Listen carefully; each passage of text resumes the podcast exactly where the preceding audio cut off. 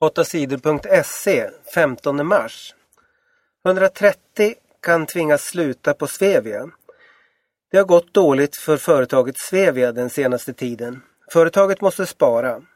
Det kan betyda att 130 anställda tvingas sluta. Det säger företagets chefer.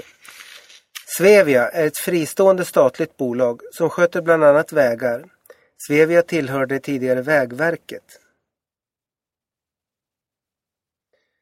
Afrikansk rebellledare dömd i internationell domstol.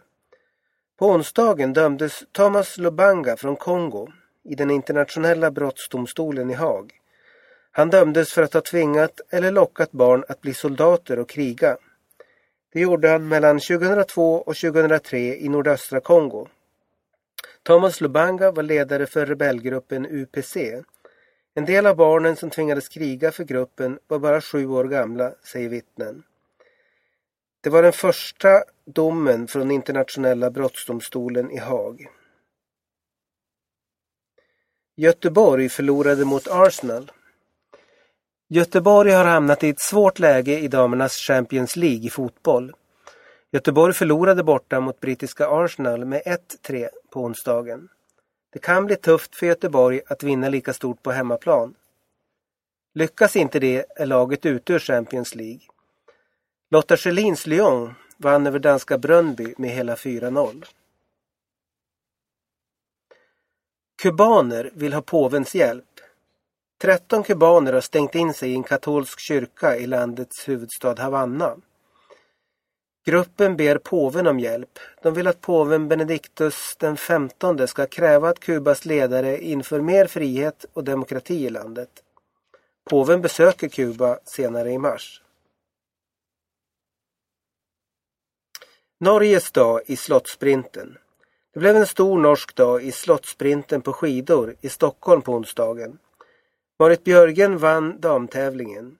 I herrloppet var det Eirik Brandstal som var snabbast. Bäste svensk den här dagen var Theodor Pettersson. Han kom på andra plats.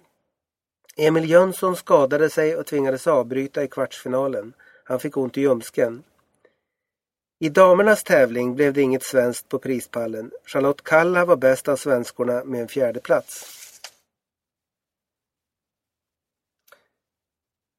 Oklart varför bussen krockade. Det är landssorg i Belgien. Två belgiska skolklasser var på skidresa i Schweiz. På hemvägen körde bussen de åkte i in i en vägg i en tunnel. 28 människor dog i olyckan. 22 av dem var barn. Ännu vet ingen varför olyckan hände. En undersökning visar att bussen inte körde för fort.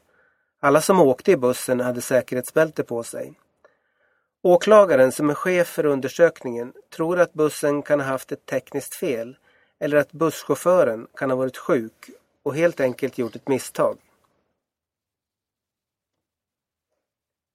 Quick oskyldig till ännu ett mord. Thomas Quick har dömts för att ha mördat åtta människor. Han har sagt att han mördat minst 30 människor. Men för några år sedan ångrade han allt han sagt. Han sa att han inte hade dödat någon. Thomas Quick sa att han berättat om morden för att han var psykiskt sjuk.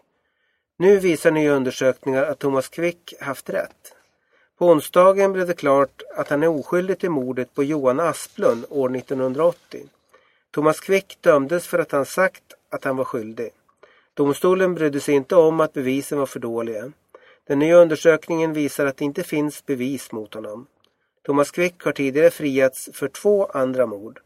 Också de andra morden han dömts för ska undersökas. Thomas Quick sitter inlåst på ett vårdhem. Han har bytt namn till Sture Bergvall.